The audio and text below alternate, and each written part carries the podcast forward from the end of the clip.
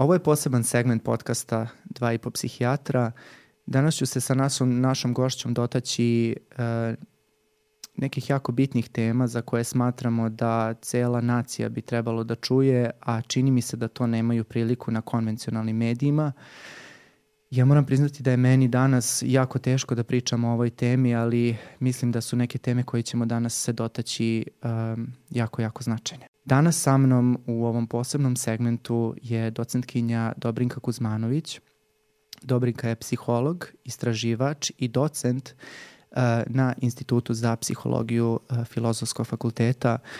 Dobrinka, uh, hvala ti što si danas sa mnom da pričamo u ovom jako nezgodnom trenutku, ovoj jako teškoj temi i hvala ti što si pristala uopšte da budeš danas gost.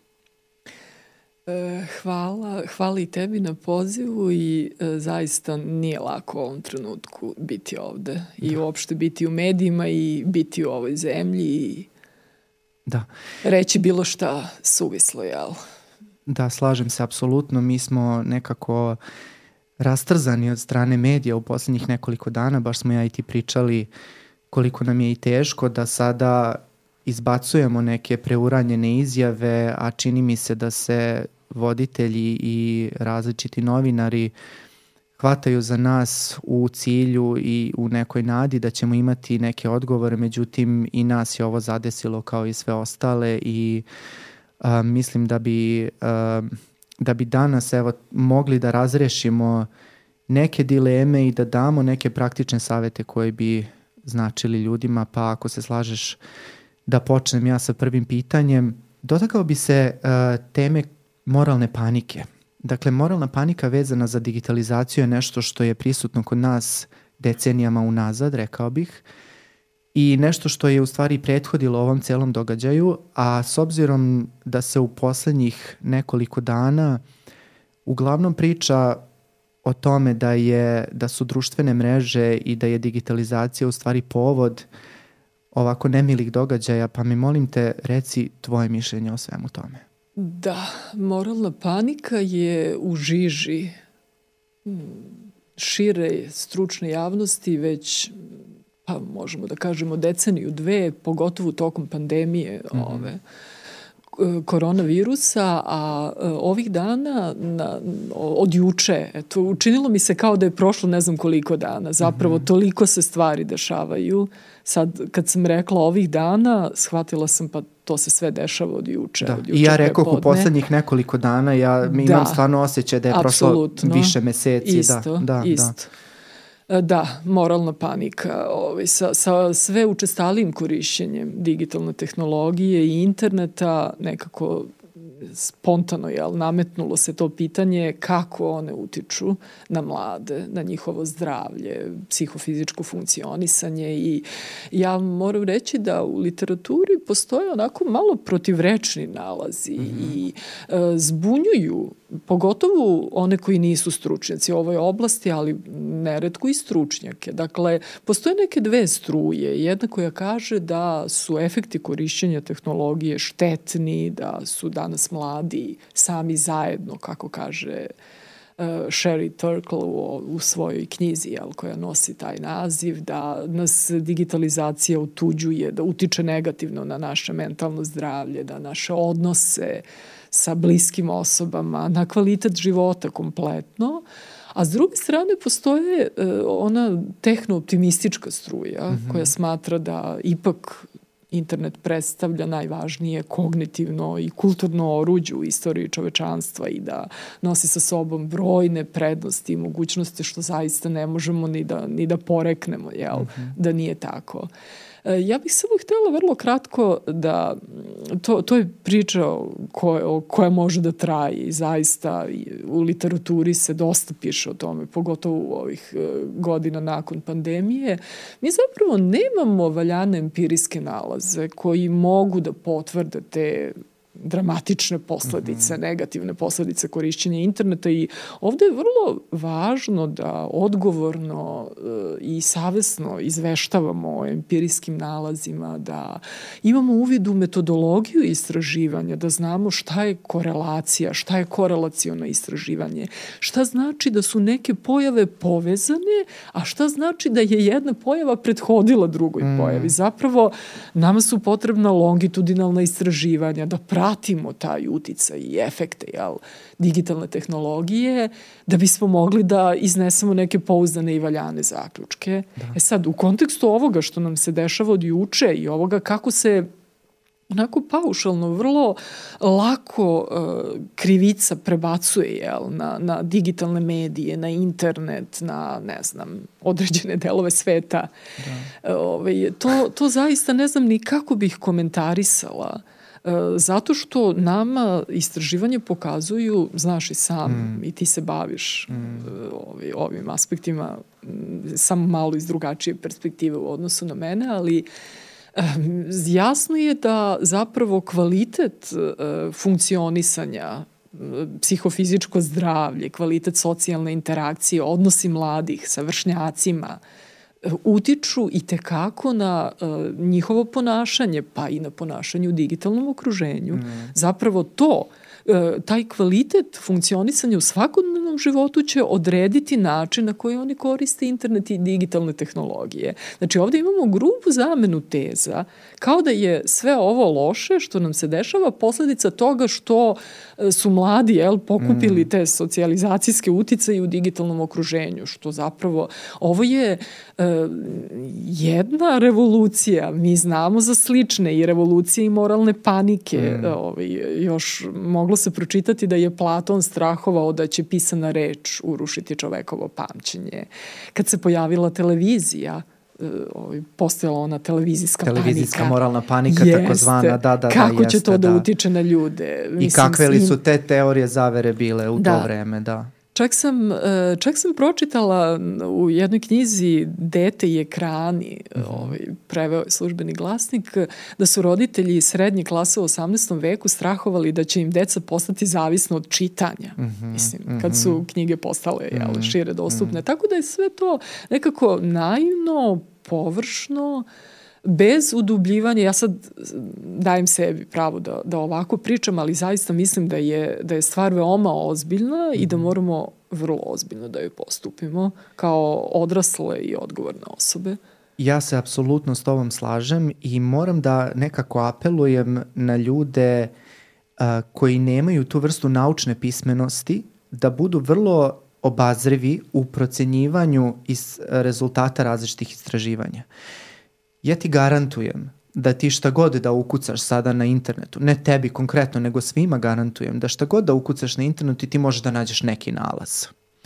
I to su, znači možeš da nađeš, samo kucaš ono što te zanima. Kucaš recimo internet loše utiče na decu. Izaći će ti 100.000 nalaza u uh, 0,005 delu sekunde.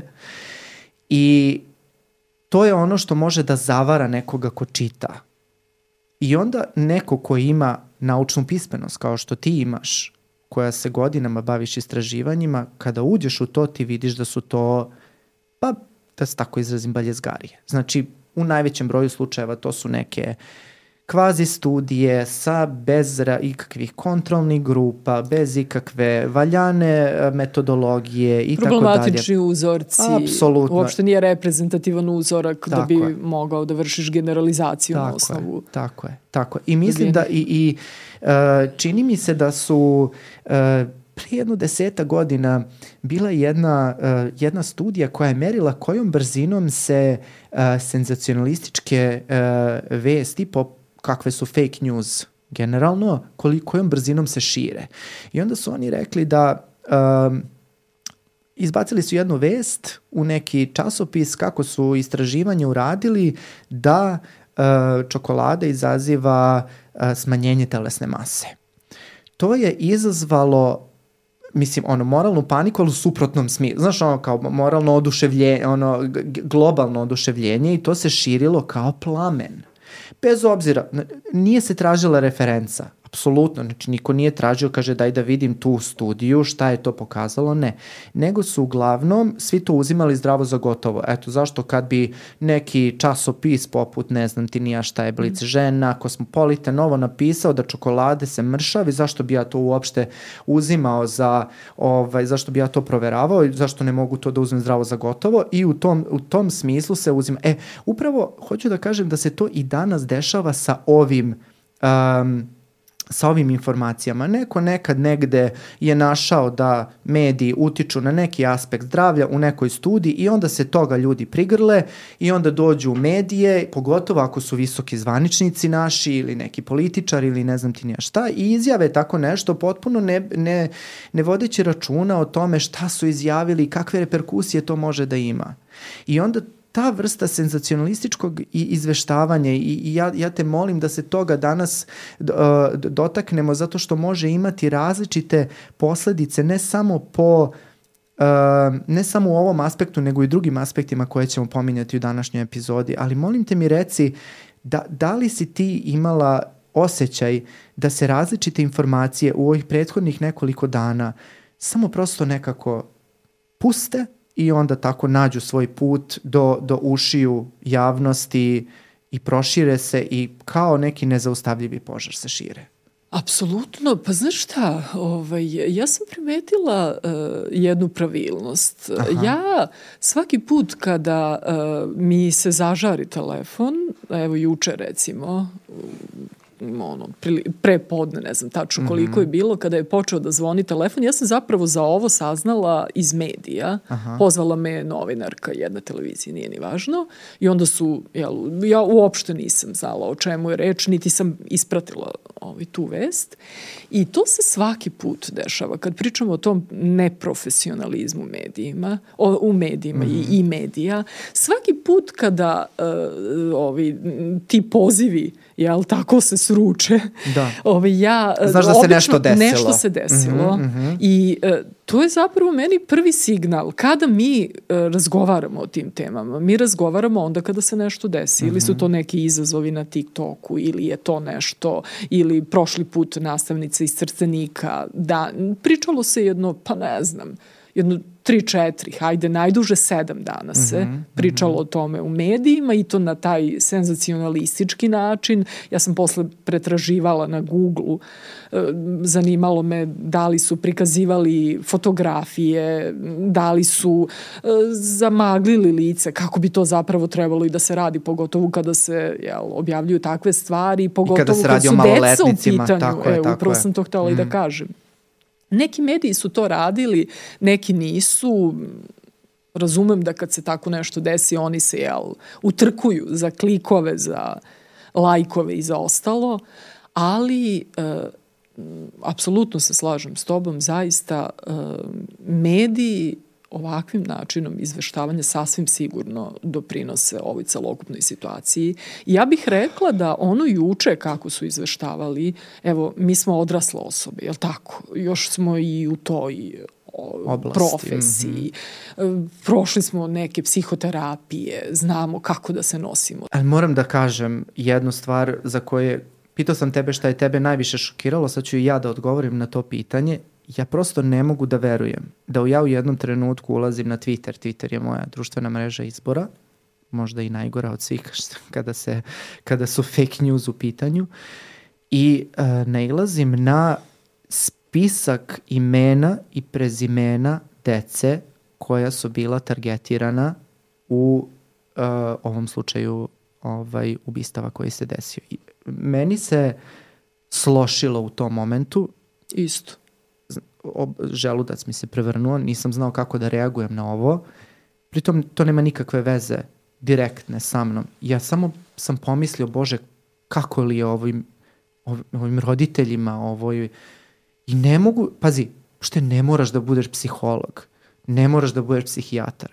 Čove, je li moguće da tako nešto ti padne na pamet uopšte da uradiš, kogod da si, da li si načelnik policije ili si uh, uh, twitteraš ili si urednik, neke urednik televizije, televizije apsolutno, da to uradiš zbog klikova. Zbog čega? To, ti ti uh, retraumatizuješ, ti ti namećeš, znači možda je neko dete iz te škole prošlo bez ikakvih posledica i videlo sa tu tog sliku. spiska, da, ali i sa tog spiska, tako je, jel? tako je. Da je Na prošlo sreću. na sreću bez posledica i videlo sebe da spi... Pazi, ne- Jezivo. ja ne bi U da krupnom spavam. kadru, na televiziji, na javnom servisu. A pritom nisam znao da je imamo- na televiziji, ja sam vidio na Jeste, Twitteru, Jeste, stvarno. na televiziji, u krupnom planu, ja sam juče gledala, inače ne pratim televiziju, Da, to je bilo. I mi pritom imamo e, zakon o zaštiti podataka o ličnosti. Da, da, da. Mi imamo dobro, ono, evropska uredba o zaštiti podataka, GDPR, ali ovaj naš zakon je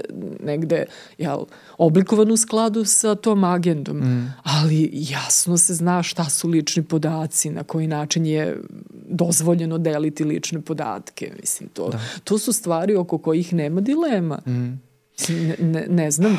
Razumem da je ovo van, da su ovo vanredne okolnosti za sve, ali ipak postoje neki stubovi, neke institucije u društvu koje imaju neki plan, koje znaju kako se ponašaju u vanrednim situacijama. Ostalom, nije ovo, jeste, na, na sreću do sada se nije, nisu dešavalo ovakve stvari kod nas pa smo svi iznenađeni verovatno, ali to je neka vrsta vanrednih okolnosti i situacije. Mm -hmm valjda medijima jasno propisano šta rade i kako se ponašaju u takvoj situaciji. Ja sam stvarno veoma iznenađena. Ja znam da postoji taj kodeks medija, ali čini mi se da ga niko ne poštuje. Ali ajde da kažem, nije mi okej okay što se ne poštuje u svakodnevnom. Mislim, sad da li je taj kontekst, nepoštovanje e, novinarskog kodeksa i uopšte medijskog izveštavanja u poslednje vreme, da li je na neki način doprineo tome da se to je za diskusiju i naravno a, ostavljam tu celu priču za, nek, za neku drugu priliku, ali sa druge strane ne mogu da verujem da ljudski, ono što si rekla upravo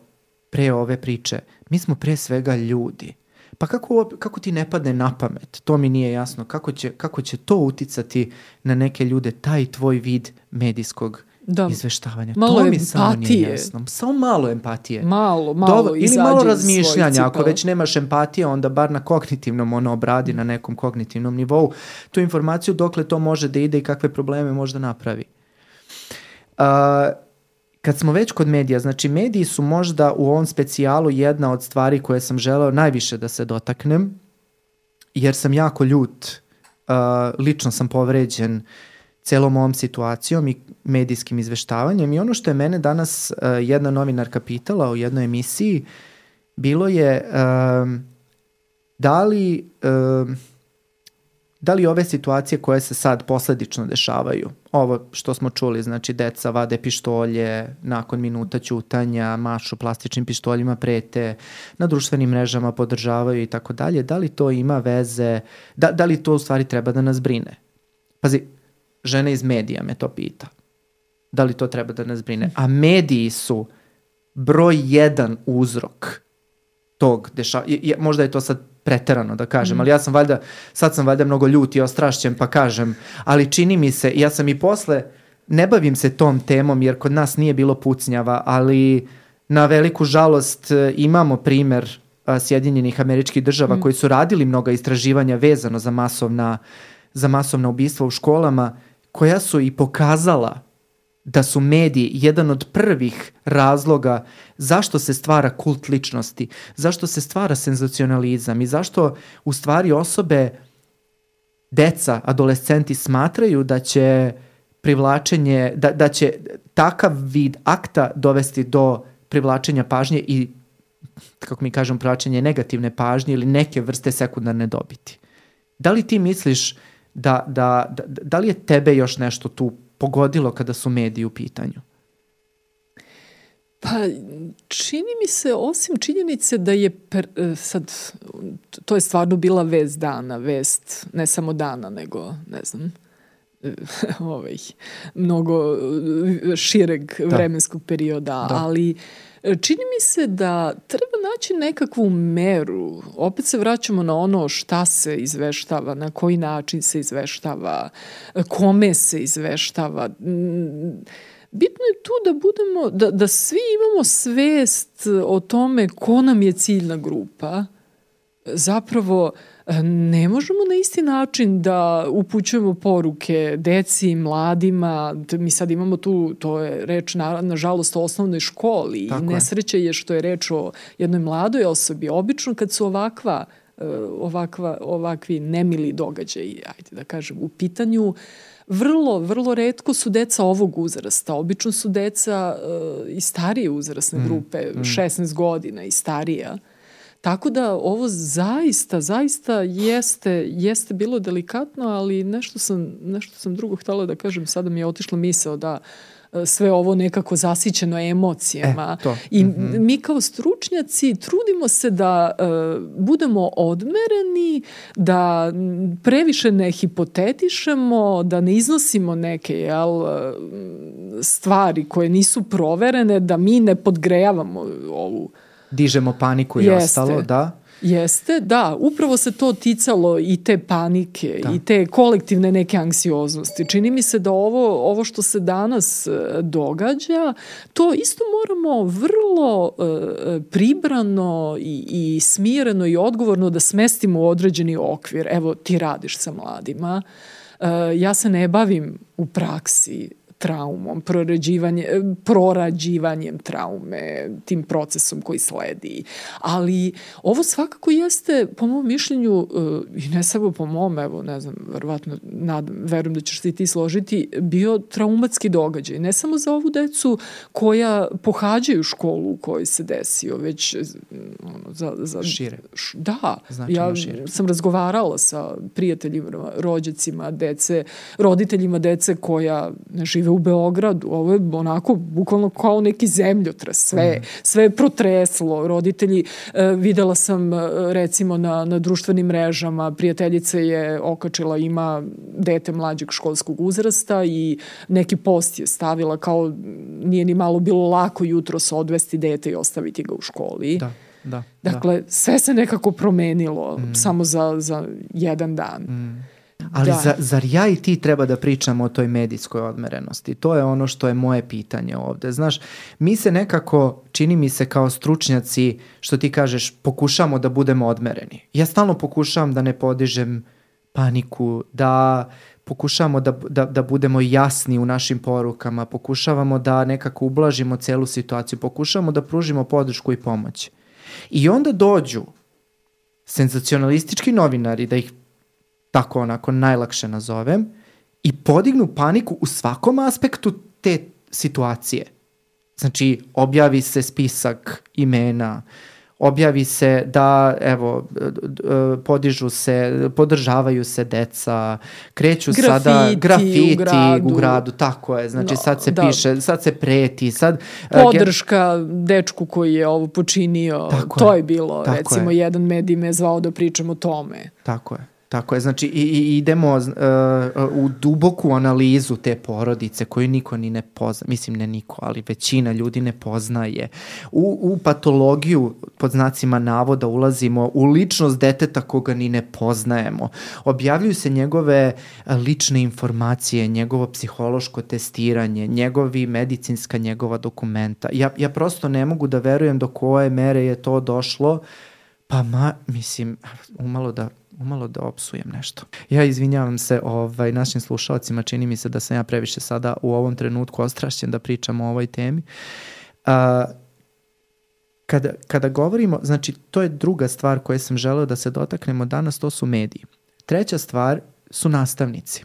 Zašto sam uopšte hteo da, da pričam o tome? Uh, Institut za mentalno zdravlje uh, u kome ja radim je uh, oformilo timove za pomoć da, čula i između to. ostalog uh, brojeve telefona na koje mm -hmm. ljudi mogu da se jave. I kolege su dežurale juče i danas. Je bilo poziva? Bilo je poziva, bilo je poziva i to mogu ti reći uh, 50% čini mi se poziva ili možda malo manje je bilo od nastavnika. Mm -hmm. Od nastavnika, učitelja, kako uopšte da priđu deci i kako to da saopšte i šta da rade, da li da drže nastavu, da li da ne drže nastavu, šta da rade.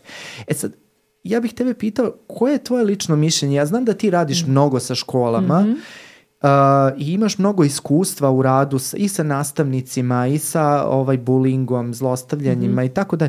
Znači, uh, uh, šta bi, koja bi tvoja neka ideja bila, kako uopšte postupiti u ovim situacijama, da, da si ti nastavnik ili šta bi im ti preporučila?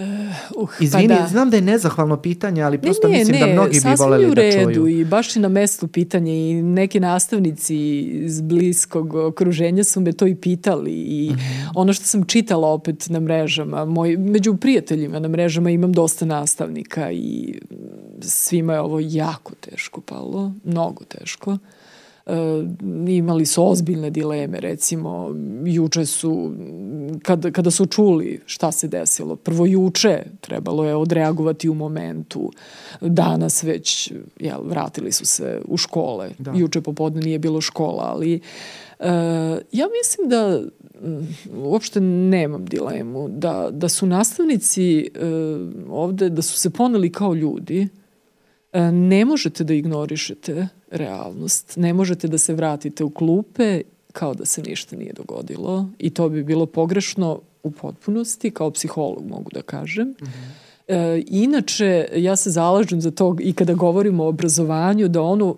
uvek bude nekako utemeljeno u realnosti, da bude oslonjeno na realni kontekst. Naše obrazovanje je sad mala digresija, očišćeno od života, kako ja kažem. Absolutno. Akademizam jedan, jedno, jedna faktografija, preopterećenost sadržajima koji su nekako odvojeni od života.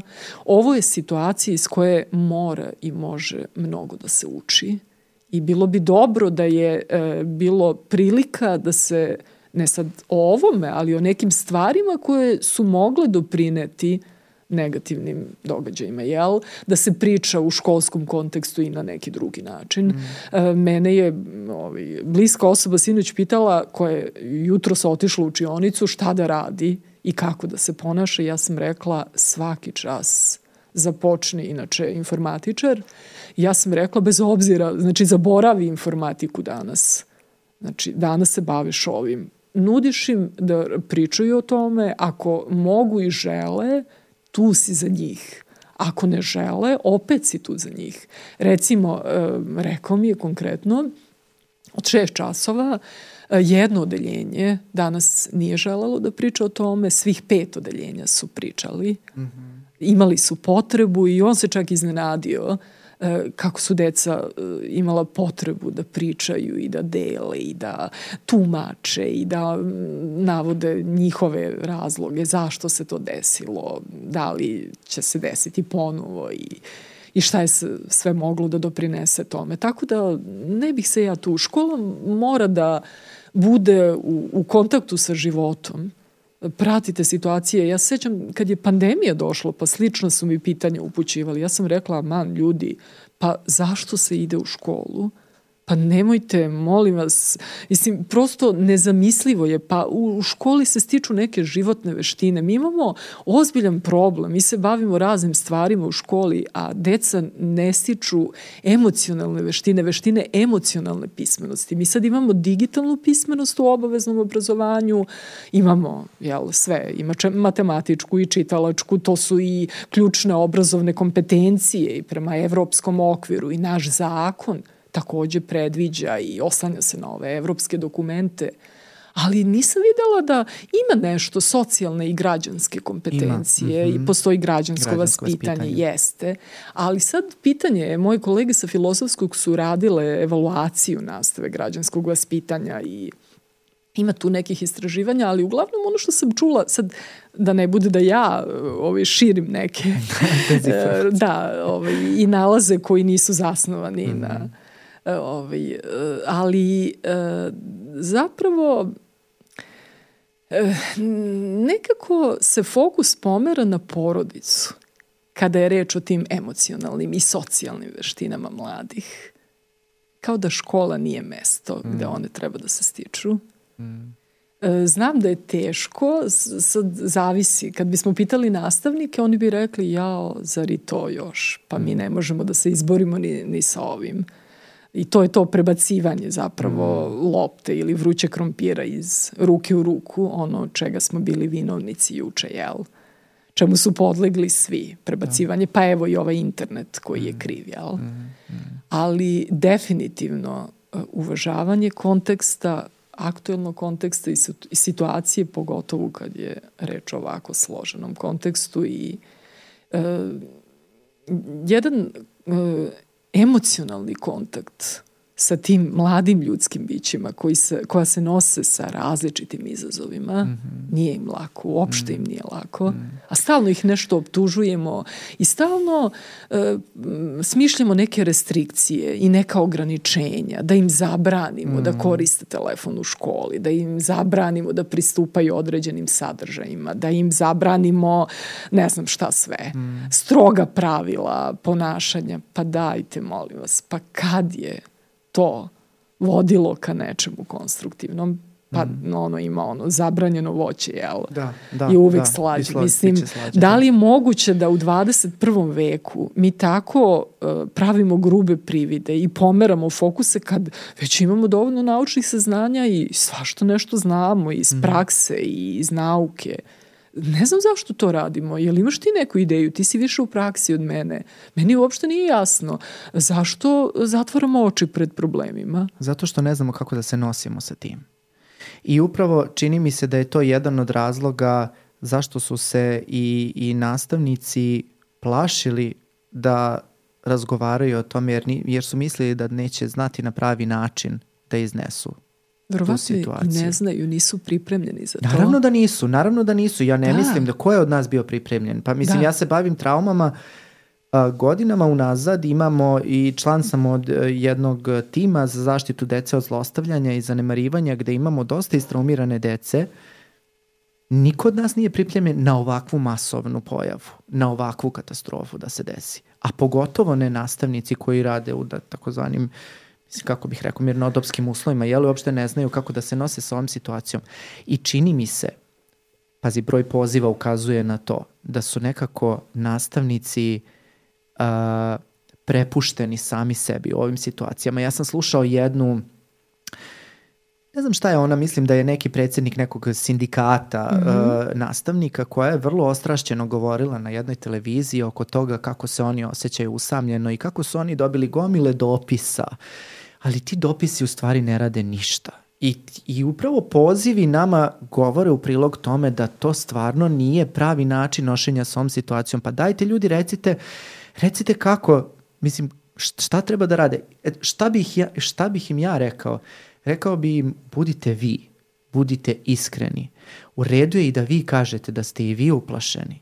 U redu je da kažete da ne znate kako da se nosite Absolutno. situacijom. Pazite, to nisu bebe. To nisu predškolska deca, to je škola. Oni prepoznaju kada ih lažete. Oni prepoznaju kada, im, kada ih mažete, kada im govorite neke šarene laže.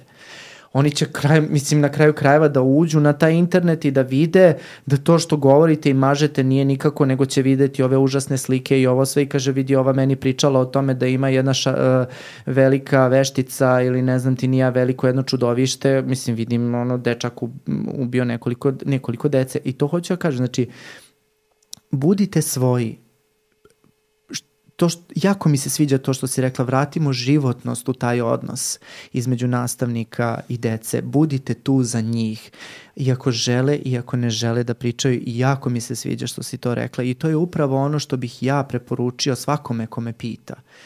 Budite tu sa njima. I, i moja koleginica iz Instituta za mentalno zdravlje, Jelena Radosavlje, možda i znaš... Moja koleginica i prijateljica. Da, da. I ona je psiholog i ona je baš pričala mm. na RTS-u, su je isto pitali ovaj, uh, I, I ona isto tako rekla u, u, u tom kontekstu, ona bi, kaže, preporučila da prvi čas, i to mi se jako svidelo, kaže, prvi čas u svakom odeljenju bi možda trebalo da održi razredni starešina i da se upravo sedi i priča o ovim stvarima. I to je jedna vrsta ovo što mi zovemo debriefinga, obrade mm. same traumatične situacije. I tu bi se prepoznalo ko u stvari ima problem sa ovom situacijom. Mm. Tu bi bilo različitih reakcija, ja sam siguran, ali bismo mogli da reagujemo, a ne učutali i zanemarili situaciju. I danas su me isto u medijima pitali šta mislite, da li je katastrofa to što su nastavnici krenuli, što, što je nastava krenula odmah sutradan?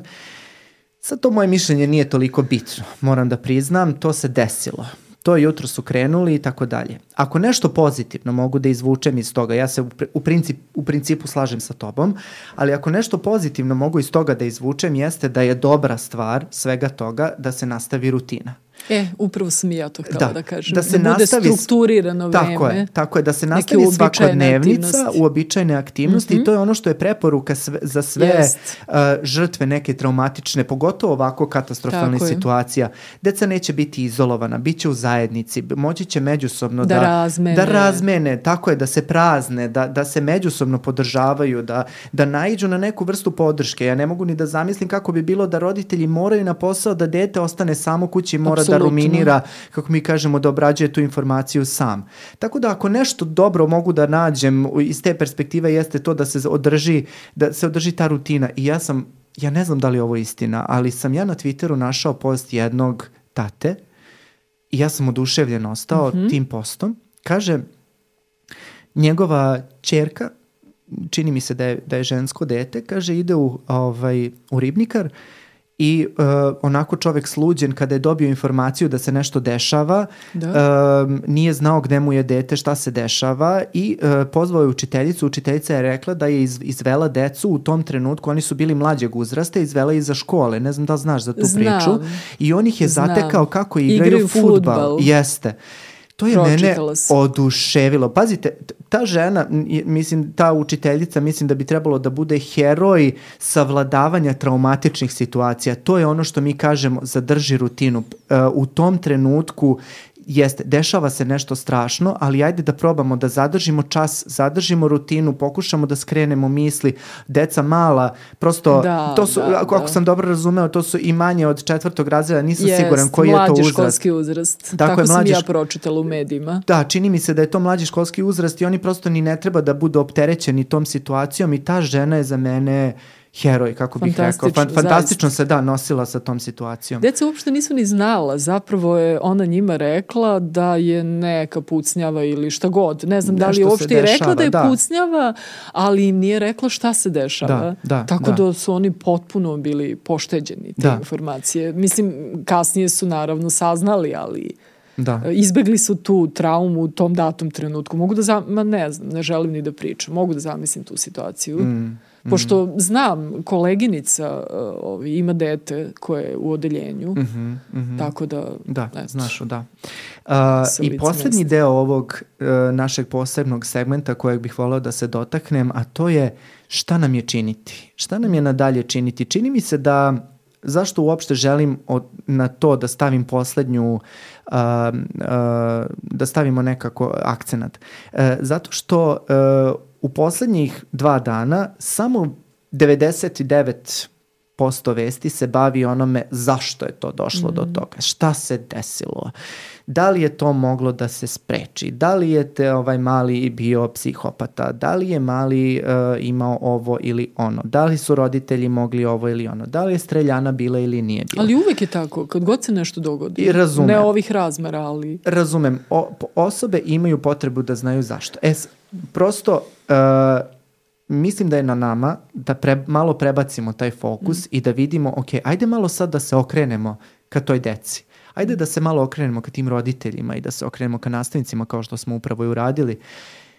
Šta bi, šta bi im preporučili? Uh, broj poziva od strane roditelja, mm. baka, tetki koje smo mi dobili, mm -hmm. upravo govore u prilog tome da ljudi ne znaju kako da se nose sa ovom mm. situacijom. Ja mogu da podelim svoje iskustvo, ali me zanima isto da, da, da, da mi ti kažeš št, koja bi bila tvoja preporuka, evo kada su roditelji u pitanju i kada su evo deca tog nekog školskog mm. uzrasta ovaj, u pitanju, na koji način bi to trebalo da se iskomunicira?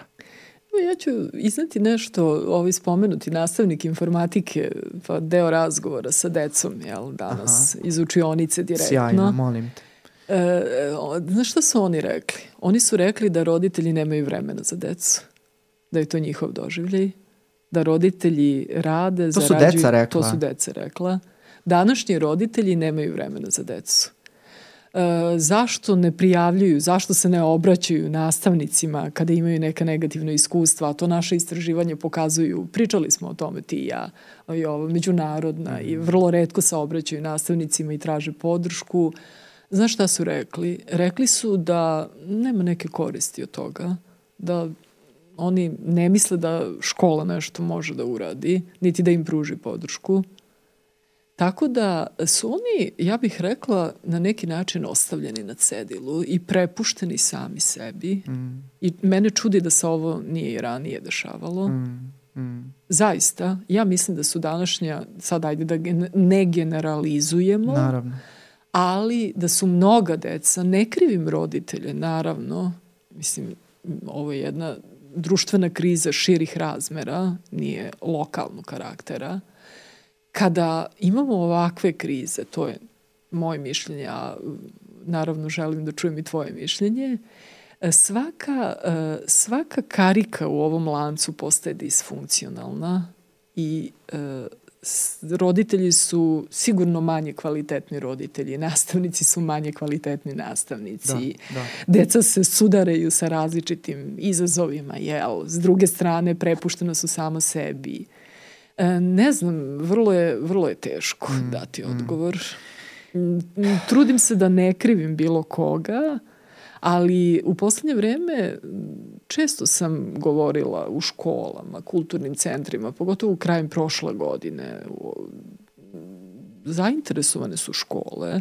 Ja sam videla zapravo da se nešto događa, nije bilo istraživanje, ja stvarno se često pozivam na istraživanje zato što, rekao si na početku, istraživač sam i smatram da ako su valjana istraživanja da dobijamo i tekako značajne e, podatke, odnosno nalaze, mm A samim ali, tim i neke preporuke. Jeste, mm. ta istraživanja imaju svoje praktične implikacije, ne so. radimo ih da bi tamo stajalo u nekim fiokama, jel? Naravno. I da bismo potrošili novac.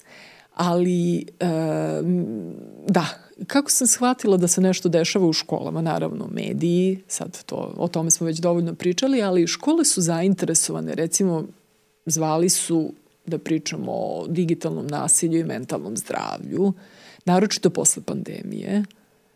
To, to je nekakva klima, to je neki ovaj, neki utisak koji su nastavnici u svojim školama imali da se nešto događa, da se situacija promenila na gore, da im je potrebna podrška, da je potrebna saradnja između porodice, škole, sistemska podrška. Stalno se vraćamo na to. Ja nekako, evo, kad gostujem u medijima, pitam se, pa daj, jel mogu nešto da smislim, nešto malo konkretnije, jel mogu nešto malo pametnije da smislim, jel može neko od mojih kolega, šta zapravo reći, odakle krenuti, od kog segmenta, od koje karike krenuti. Mm. Mm. Prvo ću se nadovezati na tebe i mislim da imamo isti utisak. Ja vrlo često sada dobijam privatno preko Facebooka mm -hmm. ili preko, pogotovo od kako smo počeli sa, od kako smo počeli sa dva i po psihijatra, dobijamo upite na naše, na naše društvene mreže jel može neko od psihijatara da dođe malo da nam pomogne? Mi ne mm -hmm. znamo više šta da radimo. To od -hmm. nastavnika, od učitelja. Mi ne znamo kako da se nosimo sa ovolikim pritiskom. Nas pritiskaju roditelji, pritiska na sistem, nikad manje nismo bili plaćeni uh, nikad manje nismo bili obučeni za savladavanje ovih najnovijih prepreka sa kojima se suočavamo trenutno, kao da su kao da je to bio jedan tihi vrisak sve vreme, onako potmuli mm. jedan koji, koji je s vremena na vreme probije u medije mm. i probije u javnost, kao što je bio slučaj sa mm. o, nastavnicom iz Trstenika ili kao neki slučajevi onog uh, onog uh, profesora kako su ga zvali uh, onog Aha, profesora što je na kraju i umro. U šestoj beogradskoj gimnaziji tako je, tako da, je, da, matematičar. je, ozloglašenog da, matematičara da. jeste. Tako neki dese se neke situacije i nekako to što ti kažeš ja sam iznenađen da se o, o, o, ovako nešto nije desilo ni ranije. I, i šta sada činiti? Uh, ja moram da stavim nekako akcenat na roditelje u ovom mm -hmm. smislu, jer se ja najviše i bavim mm -hmm. roditeljima i decom. Možda više roditeljima u mhm. poslednje vreme, moram da priznam. I ako je nekada postojao -hmm. moment da se posvetimo deci, mislim da je mhm. to ovo sada. I stalo mi govore na medijima, kao da ću ja uh, da dođem u neku televizijsku emisiju i da me neko pita nešto, ka, kako, kako rešiti ovu I situaciju da da daš ću ja gotov recept, tako jel? je, ja ću vama rešenje. da napišem da, ja ću vama da napišem recept od tri stvari koje vi treba da uradite, znači ono, top tri stvari koje treba uraditi u slučaju traume i da će to da bude. Ne, ne, ne postoji univerzalan odgovor. Mi dajemo opšte preporuke. A pazi, opšte preporuke su za nekoga sad da me sluša i kaže ajde molim te ti ćuti. To su preporuke posvetite se svoje deci. Pričajte sa svoje, budite tu za svoju decu. I to neko kaže, ma, ma taj, slušaj ovog psihijatra šta priča, a upravo je to što si ti rekla, deca su ostavljena sama sebi i oni imaju taj osjećaj. Pazi, mi to ne govorimo džabe. I mi imamo isti osjećaj koliko mi dolazi dece zapostavljeno, zanemareno od strane roditelja, osjeća se da ga roditelj ne čuje, ne razume, ne, ne zna na koji način da komunicira sa detetom koji je u pubertetu, adolescenciji i sada imaju neke nove probleme sa kojima ne mogu da se suoče, a nemaju podršku svojih roditelja. Ali nemaju podršku zato što ih roditelj ne razume. Ako je nekada bilo vreme da saznamo kako se naše dete osjeća, da sednemo sa njim i na njegovom nivou otvorimo taj krug poverenja da nam se dete poveri za stvari koje osjeća ili potrebe koje ima, da ih saslušamo, mislim da je to ovo sada. I dotako bi se teme društvenih mreža. S obzirom da sada složili smo se i ja i ti kada smo pričali pre emisije da je e, digitalna pismenost o kojoj ćemo se dotaći u zapravo celoj epizodi kada budemo pričali o ovoj temi e, digitalizacije jako mala u našoj, u našoj sredini, jako niska čini mi se, ti ćeš mi ovaj, kasnije reći malo više o tome, ali kada se uporedi uh, uh, ta, ta pismenost ili da kažem sposobnost upotrebe medija, dece i odraslih je velika, postoji diskrepanca i roditelji prosto očajni Povlače se. povlače se, Povlače da, se. i ne znaju šta će s tim. Tako je. Upravo to, okreću glavu na drugu stranu. I ja moram sada da apelujem na roditelje da pitaju decu i da kontrolišu šta deca rade na društvenim mrežama. Pitaćete me kako. Pitajte ih. Uzmite te telefone, pogledajte gde vam dete provodi 8 sati dnevno. Pazi, dolaze mi roditelji i kaže, dete mi je 12 sati na telefonu, zavisnik je od društvenih mreža, ja pitam, pa dobro, šta radi na tom internetu? Kaže, nemam pojma. A devo, dete ima 90 godina. Pa Da kako nemaš, moguće? kako nemaš pojma? Verovatno Mislim i roditelj zavistan. Današnji roditelji su I to. digitalni urođenici. I to, i to, upravo to. Tako Pitanje da, je- eto, ako je nekad bilo vreme, sad je vreme. Evo, ako se do sad nismo opametili, mislim da je ovo lekcija, ono, lesson learned iz cele situacije, da to treba da bude.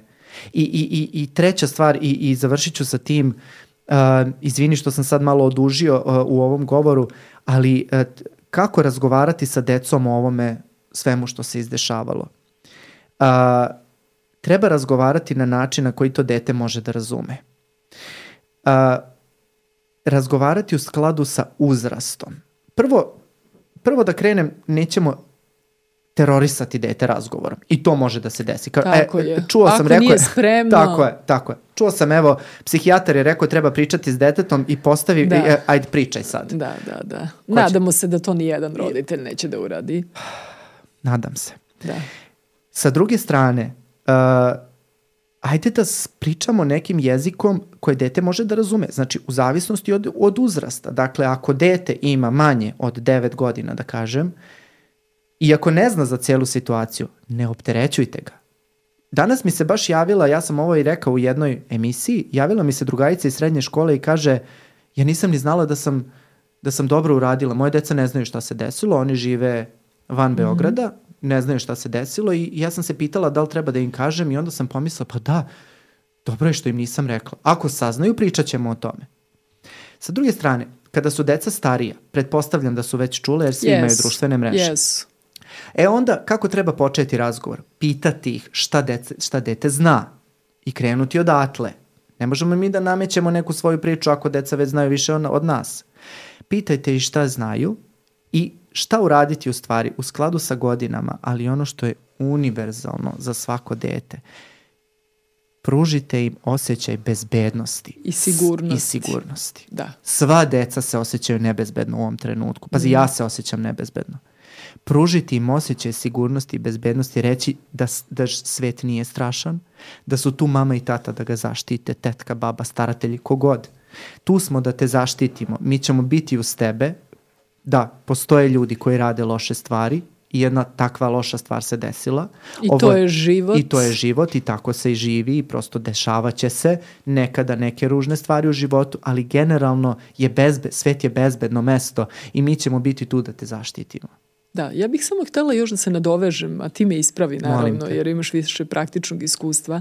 Meni se čini da je bitno da roditelji, odnosno bliske osobe, ne moraju to nužno da budu roditelji, zavisi, da je važno da pokažu svoje osjećanja, to si i to i ti rekao, da nekako ne, ne naprave neki gar, da ne, da ne glume nešto pred detetom, zato što će se dete povući Tako je To, to je pravilo broj jedan. Treba se spontano ponašati, ali s druge strane sačuvati pribranost i ono što mi kažemo, bitno je da odrasla osoba e, može da kontejnira mm. te sadržaje, da može da ih sadrži, da ih preradi i da ih vrati detetu mm. u tom prerađenom obliku. Mm. Znači, ne da je preplavi panika, strah, mora nekako da e, prosto sa sobom se dogovori da mm. odradi to sa sobom, da e, kaže sebi da, pokazat ću emocije, ali u toj meri da ohrabrim dete da i ono pokaže svoje. Tako je. E,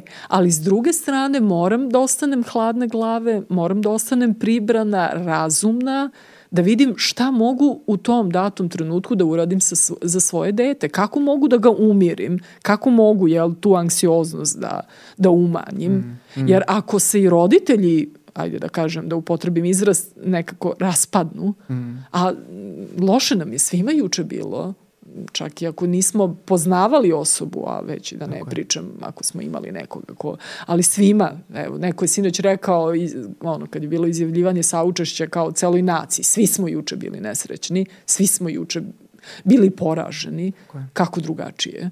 Ja moram samo da dodam da, da i apelujem ovim putem na roditelje da paze šta pričaju pred decom. Upravo I inače, treba... ne samo u ovoj situaciji, da, se slažeš? apsolutno Roditelji se slažem. ne vode računa. Uopšte ne vode računa. Uopšte ne vode računa, a pogotovo, mi, mi, mi dosta, toga, dosta odgovornosti smo večeras uh, stavili na medije, ali moram da priznam da, da i roditelji vrlo malo paze kako i na koji način interpretiraju događaje pred decom i da deca nisu svesni koliko deca kao mali sunđeri upijaju sve ono što se dešavaju i vrlo često reprodukuju Tako sve je. ono što su čuli i naučili u svakodnevno okruženje. Jeste, I onda čuješ dete, tako je, i onda čuješ dete kao, e, njegovi roditelji su, pazi, dete treći razred, kaže, e, roditelji su krivi zato što je ovaj mali uradio to i to. Pa odakle da, je to da. došlo? Mislim, to je dete treći razred, odakle može Ma da dođe nego iz porodice. Pa, uzrastu. Pa, Deca vrlo rano krenu da upijaju to što naravno. ti kažeš, mali sunđeri. Da. Da, A da ne pričamo o tome da roditelji komentarišu, interpretiraju, uokviravaju ovo što se čuje u medijima i da je neophodno da razgovaraju sa svojom decom, da vide kako su deca razumela te informacije, mm. kako ih tumače, kako ih doživljavaju, kako njihovi vršnjaci jel, sve to percipiraju. Mm. Nekada e, nije neophodno pitati dete direktno kako se ono osjeća. Ja to takođe savetujem nekada roditeljima. Pitajte dete e, kako se njegovi vršnjaci osjećaju, šta oni kažu, kako razmišljaju. Možda mu je lakše da se tako izrazi. Kroz neku takvu kroz priču, da, da, da. da. da. Uh mhm. -huh. Sad zavisi Slažem od kvaliteta se. odnosa. Ako je dobar kvalitet odnosa, ja pretpostavljam, sad naravno zavisi i od deteta, -huh. od prirode deteta, od brojnih faktora, na nekoga ovakve stvari deluju tako da začuti, jel? da se zaledi, da ne može da artikuliše to što osjeća. Neka deca su pričljivija, lakše im je da to saopšte, da Da, kad reče pričljivija, uh, ono čime bih volao da završimo jeste uh, kada bi roditelji, u stvari, kada bi trebalo da se zabrinu nakon ove cele situacije. I to je onako pitanje koje u klinici se vrlo mm -hmm. često postavlja, da li je svako dete sada za psihijatra koje je doživelo, da li je svako dete za psihologa, da li svako treba da poseti nekog profesionalca. Moj odgovor je ne. Mm -hmm. Ne bi trebalo svako. Institut za mentalno zdravlje će svakako organizovati timove koji će ići ka, porodi, ka porodicama, ka školama i ovaj, organizovat ćemo neke vrste, da kažem, radionica, grupa podrške i ostalo. Mm -hmm. um, i u tom smislu ćemo pomoći, ali uh, kada bi trebalo roditelji da se zabrinu i to je jedno od najčešćih pitanja koje dobijam. Dakle, um, trebalo bi da se zabrinu u trenucima kada se kada dođe do značajne promene ponašanja. Kada dete prosto se u svakom aspektu promeni. Kada je mhm. promena velika i nagla, kada recimo od jednog razdraganog deteta, od deteta koje je imalo sve dobre ocene, prosto popusti u školi, postane uh, hiperaktivno, iritabilno, svega nervira, povuče se u sebe, to povlačenje je strašno bitno, kada preplavljuje osjećaj krivice i sramote koji, sa kojim ne može da se sa kojim ne može da se izbori, kada prestane da komunicira, recimo od strašno komunikativnog deteta dođemo do povlačenja, do prekida komunikacije, kada prestane da se druži, kada prestane da se igra ili kada postane uh, previše pričljivo ili previše hiperaktivno ili nekako u svakom smislu previše ne može da prestane da priča o tome što se desilo ili kada ima ružne snove koji dugo traju. Sva, prirodno je, svi ćemo imati neku vrstu, da kažem, snova i teškoća i sve je to okej okay ako je to prolazno, ako traje do recimo nekoliko nedelja ili ako prosto ako nas ne opterećuje, ne utiče na naše funkcionisanje, ne slabi nam školski uspeh, ne trpi nam posao i tako dalje, ali ako se oslikava na naše sfere, obavezno posetiti nekog stručnjaka. Ali mogu nešto da, da te se, pitam, obavezno, Roberto? Da, slobodno. Uh, znaš, uh, ovaj, uh, sada slušam to što pričaš, a juče i danas u medijima često smo mogli da čujemo da ovaj dečak nesretni na izgled sve funkcionisalo okej. Okay i da se ništa nije moglo videti u ponašanju, da nije bilo nekih znakova, jel, da tu nešto neštima. Da li može da se desi da zapravo mi nemamo te spoljašnje manifestacije, a da u detetu ipak nešto kuva? Koliko se to često događa kod dece, ajde da kažemo, osnovnoškolskog uzrasta ili srednjoškolskog uzrasta? Da li nužno uh, ovaj, ta, ta promena tog uh, psihičkog statusa, ajde tako da kažem, nosi za sobom te spoljašnje manifestacije. Mm. Jer možda postoji problem, ali da mi nemamo neke vidljive znake. Ili, ne, uh, ili mi ne vidimo. Da, je, ne znam da li sam znam, bila jasna. Znam, apsolutno razumem šta me pitaš i to je jako dobro pitanje na koje ja nemam kompletan, ali imam parcijalan odgovor. Dakle, uh, najčešće se te gobe kod dece izražavaju kroz ponašanje. Zato što deca, ili ih mi možda tako najbolje interpretiramo, mm -hmm. zato što deca nisu u stanju vrlo često da iskažu svoje emocije do nekog uzrasta adolescencije. Znači neka sredina adolescencije kada oni postaju svesni, imaju jako dobru intro, introspekciju i jako mogu dobro da sagledaju to kako se osjećaju. Ali apsolutno da da apsolutno da da, mislim da, da dete može da pati mm -hmm. bez da mu se to oslikava na ponašanje, ali ne mislim da to može da bude dugotrajno. Uvek velika patnja iznutra mm -hmm. će da se oslika na spolja na neki segment funkcionisanja ili neki segment ponašanja. Znači negde će da iskoči. Negde će da iskoči. Mm -hmm. I ne, to može samo da se ne primeti. Mm -hmm. Ne može da se ne ispolji.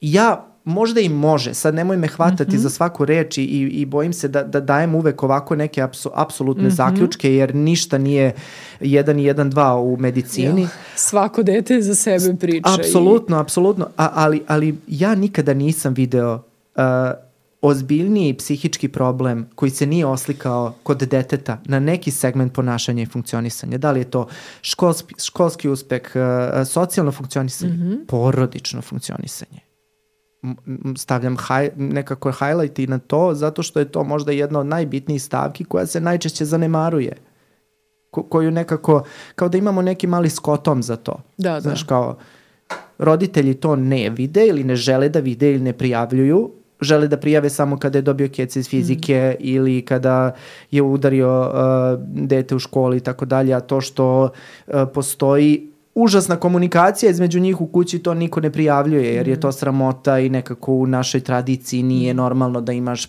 porodične probleme, jel? Tako da mislim da da, da, da, da, da ne, ne može da postoji dublji psihički problem da se negde na neki način ne iscuri i ne prikaže. I hvala ti na tom pitanju. Da.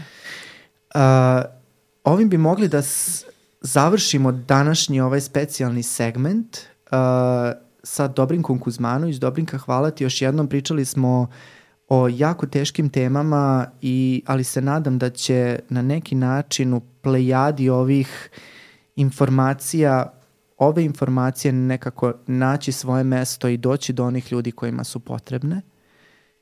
I um, moram da kažem samo da ćemo Dobrinka i ja snimiti uh, epizodu koja će biti posvećena digitalizaciji, uh, boravku uh, dece i mladih na u online svetu, kakve to reperkusije može da ima na njihovo funkcionisanje uh, u, da kažem, live svetu. Uh, I ta epizoda će biti uh, premijerno u standardnom terminu nedeljom u 18 časova, tako da budite uz nas i hvala vam.